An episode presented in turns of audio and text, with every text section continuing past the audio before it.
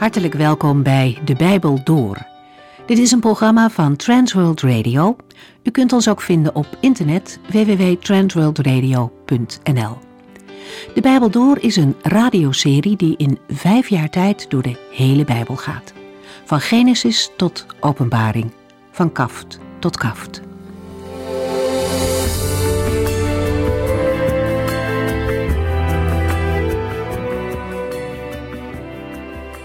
Trouwe luisteraars weten inmiddels dat we in deze serie bezig zijn met het boek Filippenzen. De vorige keer hebben we hoofdstuk 1, vers 6 tot en met 9 gelezen. En dit gedeelte begint met een enorme bemoediging. Paulus schrijft dat hij ervan overtuigd is dat God het goede werk dat hij begonnen is ook af zal maken. Dat geldt in het grote. We mogen zeker weten dat God ons veilig aan laat komen in het Vaderhuis als we ons vertrouwen op Hem stellen. En als het een keer misgaat, dan mogen we opnieuw naar Hem teruggaan. De Vader kijkt uit naar de terugkeer van Zijn kinderen. Hij is ook bezig om ons te vormen. God wil graag mooiere, heilige mensen van ons maken, die het beeld van Zijn Zoon weerspiegelen. Dat doet Hij zelf en Hij zal het ook afmaken. God geeft nooit op. En God levert ook geen half werk. Wat hij doet is goed en mooi. Ook in u. Maar het geldt ook in het goede werk wat we hier op aarde doen.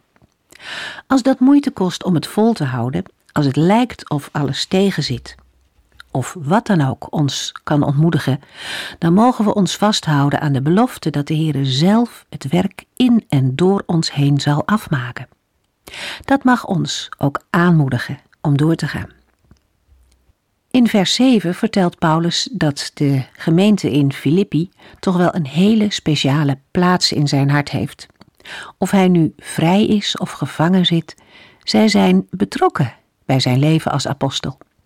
Met de sterke uitdrukking, een eetformule, laat Paulus hen weten hoezeer hij naar hen verlangt. God weet, of God is mijn getuige, zegt hij. Met andere woorden, daar hoeven ze nooit aan te twijfelen. Wij lezen verder vanaf vers 9.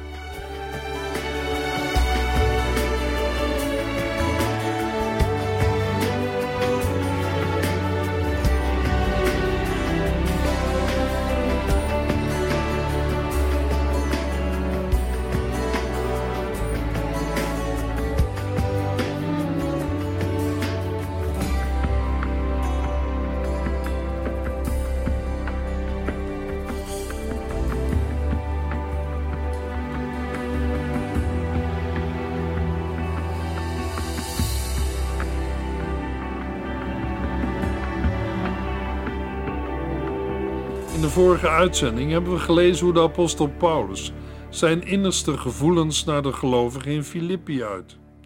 In Filippenzen 1 vers 8 schreef hij: God weet hoe ik naar u verlang met de liefde van Jezus Christus. We hebben ook gelezen dat de woorden God weet verbonden kunnen worden met eetformules uit het Oude en Nieuwe Testament. Met deze woorden doet Paulus een beroep op Gods alwetendheid omdat het over het innerlijke leven van een mens gaat. De Heer is zijn getuige dat wat hij daarna zegt ook werkelijk waar is. Want God is de enige die de harten van mensen kan onderzoeken op de werkelijke reden waarom woorden worden gezegd of geschreven. Paulus gebruikt vaker een eed, juist op spannende momenten, als er veel op het spel staat. Aan de andere kant gebruikt de apostel de woorden ook als een plechtige verzekering. Bijvoorbeeld in Gelaten 1 vers 20. Denk niet dat ik lieg. God weet dat ik de waarheid spreek. In dit verband is het ook goed om de woorden van de Heer Jezus uit Matthäus 5 in herinnering te brengen. Matthäus 5 vers 33 tot en met 36. In de wet van Mozes staat ook: U moet zich aan uw eed houden. Wat u voor God hebt gezworen, moet u nakomen. Maar ik zeg, zweer nooit. Zeg niet, ik zweer bij de hemel, want de hemel is de troon van God. Of ik zweer bij de aarde, want de aarde is Gods voetenbank. Of ik zweer bij Jeruzalem, want dat is de stad van de grote koning. Zeg ook niet: Ik sfeer bij mijn hoofd, want u kunt niet één haar wit of zwart maken. De Fariseeën maakten onderscheid tussen het zweren bij de naam van God en zweren bij geschapen dingen.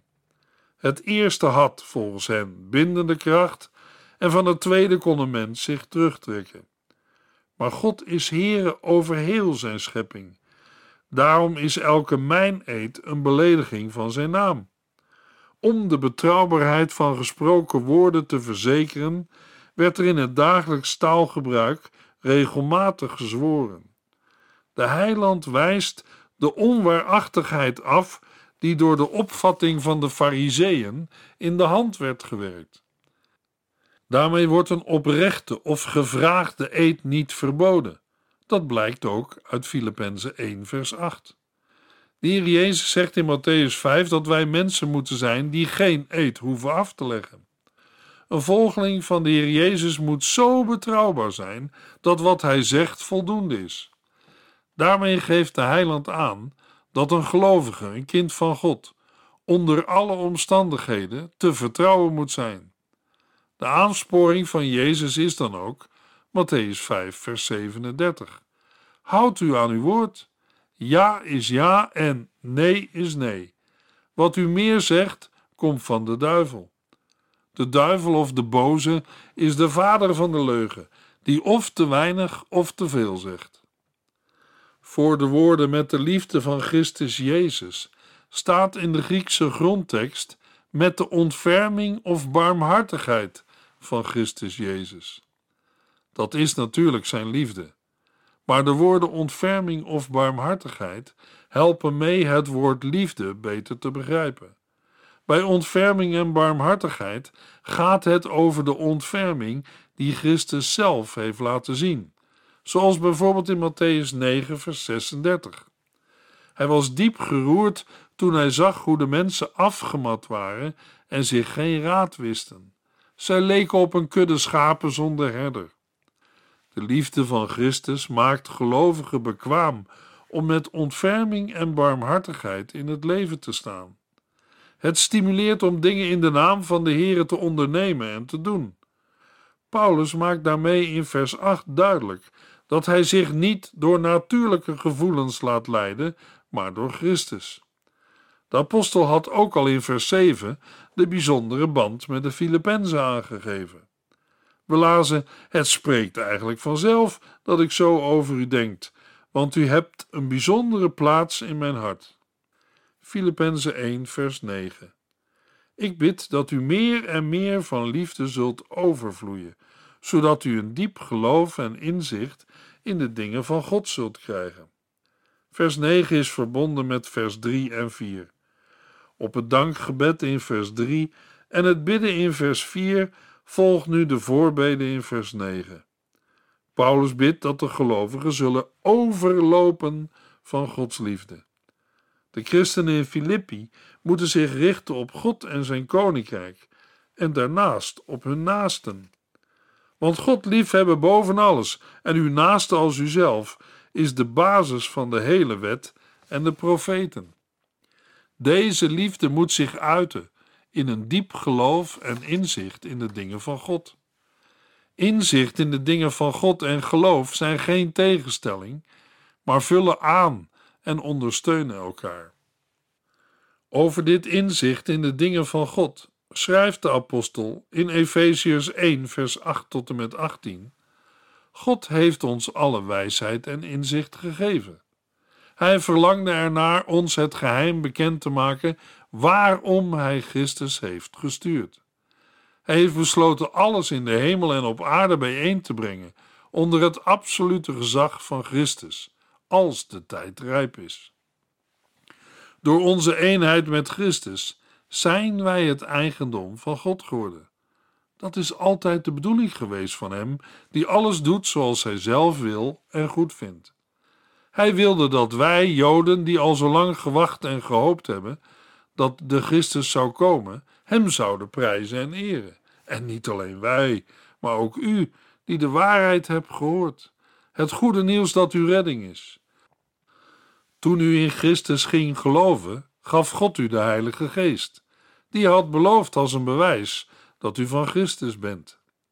Deze geest in ons is een borg voor wat God ons allemaal zal geven als Hij ons zijn eigen volk zal verlossen. Een reden te meer om Hem te eren voor Zijn grootheid. Daarom houd ik ook niet op God voor u te danken. Want ik heb gehoord hoe groot uw geloof in de Heer Jezus en uw liefde voor alle christenen is. Ik dank God zonder ophouden voor u en in mijn gebed vraag ik de God van onze Heer Jezus Christus, de Vader die alle eer verdient, u wijsheid te geven, opdat u helder en duidelijk zult zien wie Christus is en Hem door en door zult kennen. Ik bid dat u innerlijk vol licht zult zijn, zodat u zult zien tot welke heerlijke toekomst u geroepen bent. Dan zult u weten wat een geweldige rijkdom God voor al zijn kinderen heeft klaar liggen. Deze woorden uit Efeziërs 1 geven meer begrip en inzicht over wat de apostel bedoelt met de woorden in Filippenzen 1 vers 9, zodat u een diep geloof en inzicht in de dingen van God zult krijgen. Mogelijk dat iemand vraagt: en waar is dat allemaal goed voor? We lezen het in het vervolg, in Filippenzen 1, vers 10 en 11. Ik wil dat u scherp kunt onderscheiden waar het op aankomt. Dan zult u op de dag van Christus zuiver zijn, zonder dat er iets op u aan te merken is. En zal uit heel uw doen en laten blijken dat u, dankzij Jezus Christus, Gods wil doet. Daarvoor moet God geëerd en geprezen worden. In de versen 10 en 11 wordt aangegeven tot welk doel de overvloedige liefde van de gemeente zal leiden. Paulus bidt dat de Filippenzen zullen komen tot het onderscheiden van dat wat belangrijk is. Het Griekse woord voor onderscheiden betekent enerzijds beoordelen en beproeven, en anderzijds erkennen, goedkeuren of onderscheiden. Van dit woord zijn in de verschillende Bijbelvertalingen de volgende samenstellingen te vinden. Het kan betekenen wat zich onderscheidt, of wat verschilt, maar ook waar het op aankomt, of dat wat belangrijk is. Dezelfde zinsnede komen we tegen in Romeinen 2, vers 18, waar het in verband staat met het kennen van Gods wil en het krijgen van onderwijs uit de wet, zodat mensen anderen kunnen onderwijzen en zo een gids kunnen zijn voor blinden. Het gevolg van dit onderscheiden waarop het aankomt is dat de gelovigen zuiver zijn, zonder dat er iets op hen is aan te merken. In Handelingen 24 lezen we dat Paulus deze richtlijn ook voor zichzelf hanteert. De apostel zegt in Handelingen 24, vers 16: Daarom doe ik mijn best om voor God en de mensen altijd een zuiver geweten te houden zowel in het geweten van een gelovige als in het optreden naar buiten, moet dit worden nagestreefd. Als iemand vraagt: en tot hoe lang moet dat? dan horen we Paulus zeggen: tot de dag van Christus. Pas dan zullen de gelovigen de volmaaktheid bereiken. Daarbij gaat het niet zozeer om een bepaling van tijd, maar meer om het doel van de heiliging van de gelovigen. De liefde, de kennis en het inzicht, het onderscheiden, het zuiver en niet tot aanstoot zijn van de gemeente en gelovigen zijn alle gericht op de wederkomst van Jezus Christus. Het onderscheiden waarop het aankomt is voor een gelovige niet altijd even gemakkelijk. Een christen moet met een kritische blik in het vaak gecompliceerde menselijke leven staan. Aan de gelovigen van Thessalonica schrijft Paulus in 1 Thessalonicense 5, vers 21 en 22: U moet alles wat gezegd en gedaan wordt op zijn echtheid beproeven en alles wat goed is vasthouden. Vermijd alles wat slecht is. Johannes schrijft in 1 Johannes 4, vers 1 tot en met 3: Vrienden, geloof niet iedere geest, maar ga eerst na of iemand door de geest van God bezield wordt. Want er lopen nogal wat valse profeten op deze wereld rond. Hieraan kunnen wij weten of Gods geest spreekt. Ieder die erkent dat Jezus Christus een mens van vlees en bloed geworden is, zegt dat door de geest van God. Ieder die dat ontkent, heeft de geest van de antichrist, de vijand van Christus, waarvan wij weten dat hij komen zou, maar die nu al in de wereld actief is. Het leven van een gelovige is gericht op de wederkomst van Christus. Paulus schrijft in 1 Thessalonicense 5, vers 23 en 24: Laat het zo zijn dat de God van de vrede u volledig voor zichzelf afzondert en dat uw hele wezen, geest, ziel en lichaam zuiver blijft tot de komst van onze Heer Jezus Christus. En Hij die u geroepen heeft, is trouw en zal doen wat Hij beloofd heeft. Na de opmerkingen over zuiver zijn op de dag van Christus en zonder dat er iets op u valt aan te merken, gaat de apostel verder over de consequenties van het voorgaande voor de christelijke levenswandel. Paulus schrijft in vers 11: Uit heel uw doen en laten zal blijken dat u dankzij Jezus Christus Gods wil doet. Daarvoor moet God geëerd en geprezen worden. Een geheiligd leven kan niet zonder vrucht blijven. Voor de vertaling uit heel uw doen en laten zal blijken dat u dankzij Jezus Christus Gods wil doet, staat in de grondtekst: vervuld geworden met vruchten van gerechtigheid door Jezus Christus.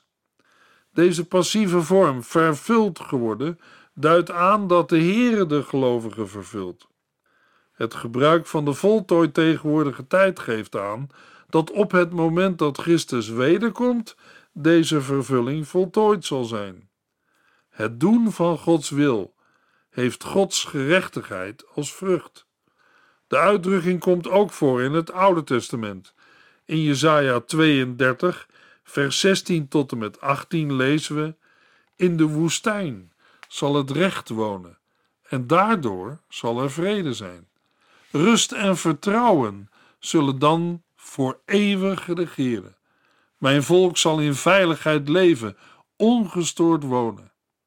In het Nieuwe Testament lezen we in Jacobus 3, vers 18: Vrede stichters zaaien vrede en zij oogsten goedheid en rechtvaardigheid. De uitdrukking vrucht van de gerechtigheid betekent dat de wil van God wordt gedaan. Het betekent wat we in Romeinen 6, vers 13 en 14 lezen. Stel geen enkel deel van uw lichaam ter beschikking van de zonde, als iets waarmee slechte dingen worden gedaan. Nee, maak van uzelf een werktuig voor God, omdat u met Christus gestorven bent, om nu met Hem te leven. U bent immers dood geweest en weer levend geworden. Laat God dan ieder deel van uw lichaam kunnen gebruiken om goed te doen. Het is uit met de macht van de zonde over uw leven. U valt niet meer onder de wet die gehoorzaamheid eist, maar onder de genade van God. Leven naar Gods wil staat tegenover wetteloosheid. Wat recht en eerlijkheid inhoudt, leert Christus ons in de bergreden in Matthäus 5, vers 20 tot en met 48 en Matthäus 6, vers 1 tot en met 18.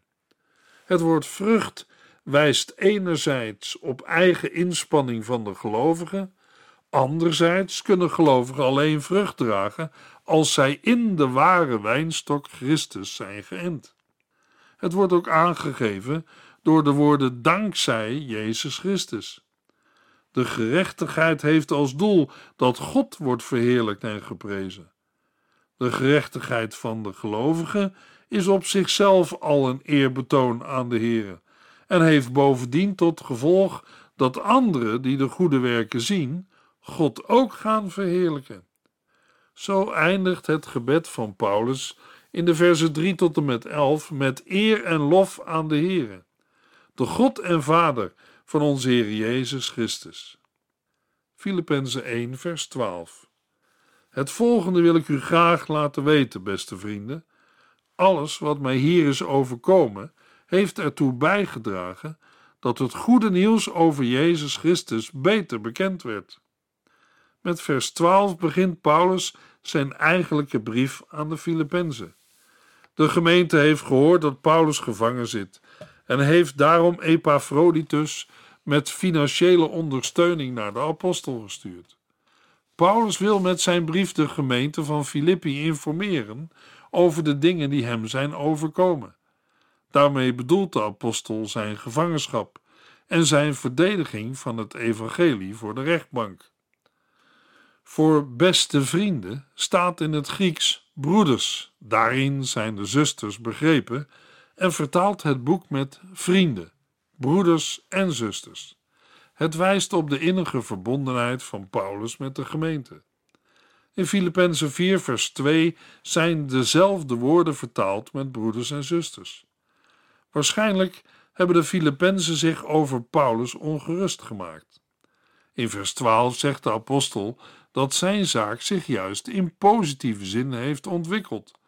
Alles wat mij hier is overkomen, heeft ertoe bijgedragen.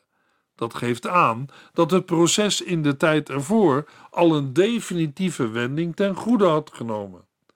De voortgang is in twee opzichten, zoals we in vers 13 en 14 zullen lezen.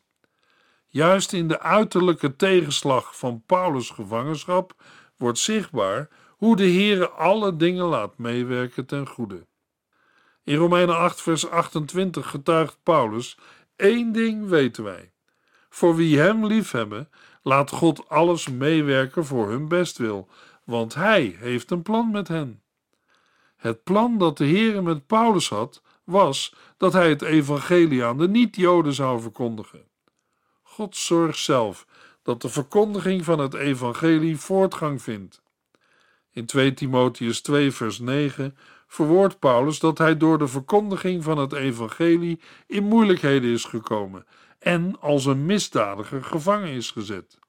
Maar, getuigt de apostel, het woord van God laat zich niet gevangen zetten.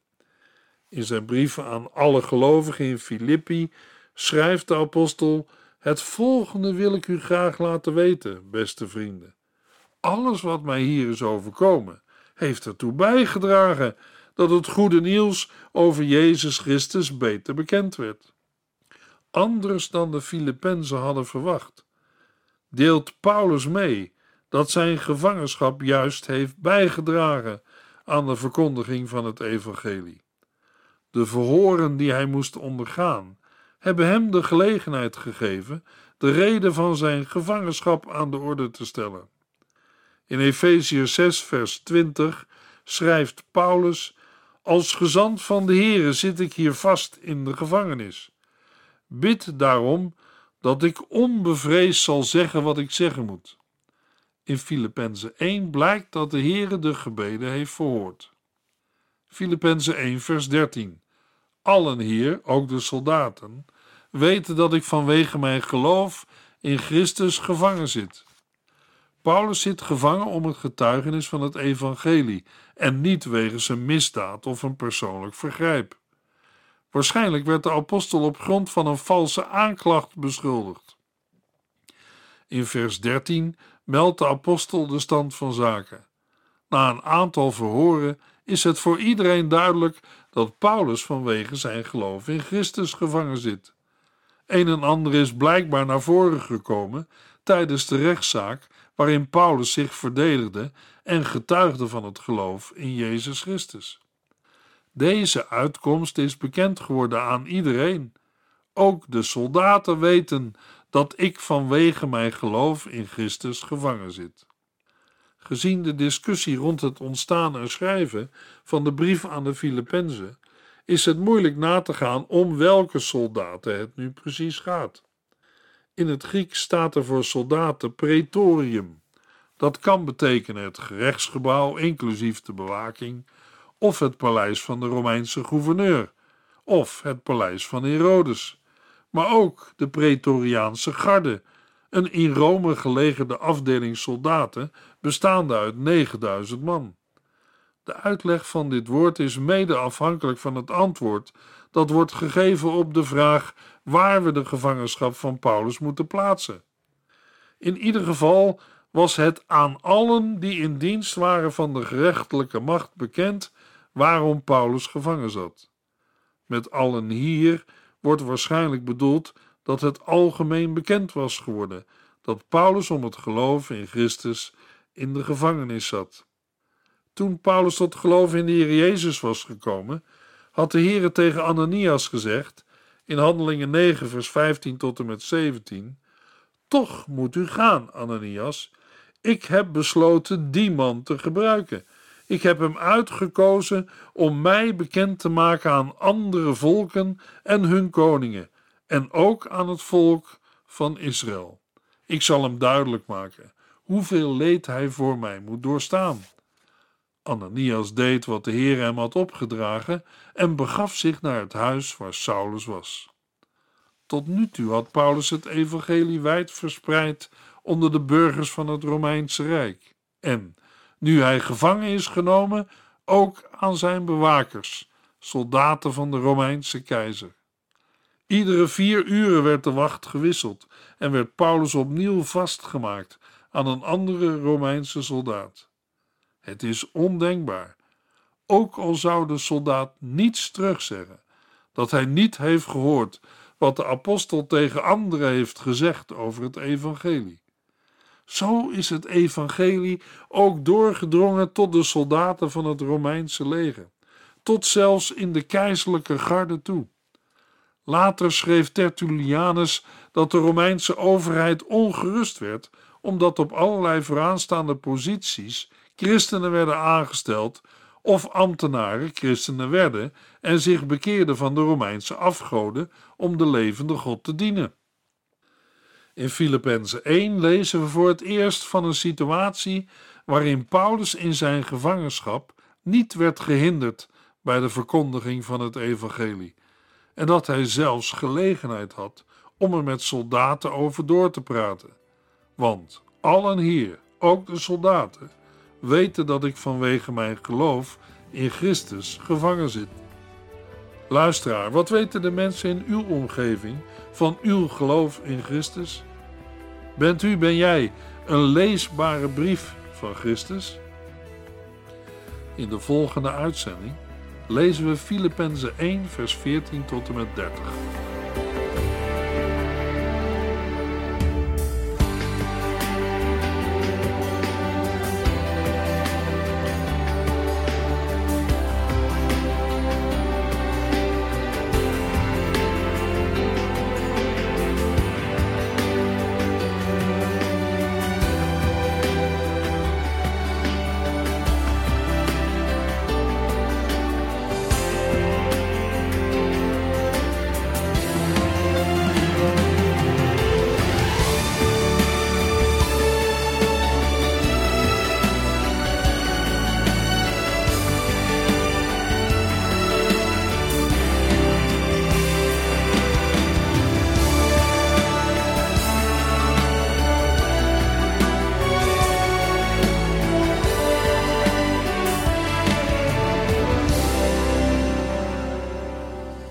Eindigt deze aflevering van De Bijbel Door. Een serie programma's van Transworld Radio.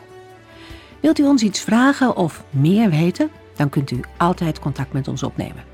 Bellen kan overdag met 0342 478432. Per post Transworld Radio, postbus 371, postcode 3770, Anton Johannes in Barneveld. En e-mailen kan ook. De Bijbel door at transworldradio.nl En natuurlijk ook via onze website transworldradio.nl Dit programma werd gepresenteerd door Cor Weda en Ike André. En namens iedereen die er nog meer aan meegewerkt heeft, graag tot de volgende keer.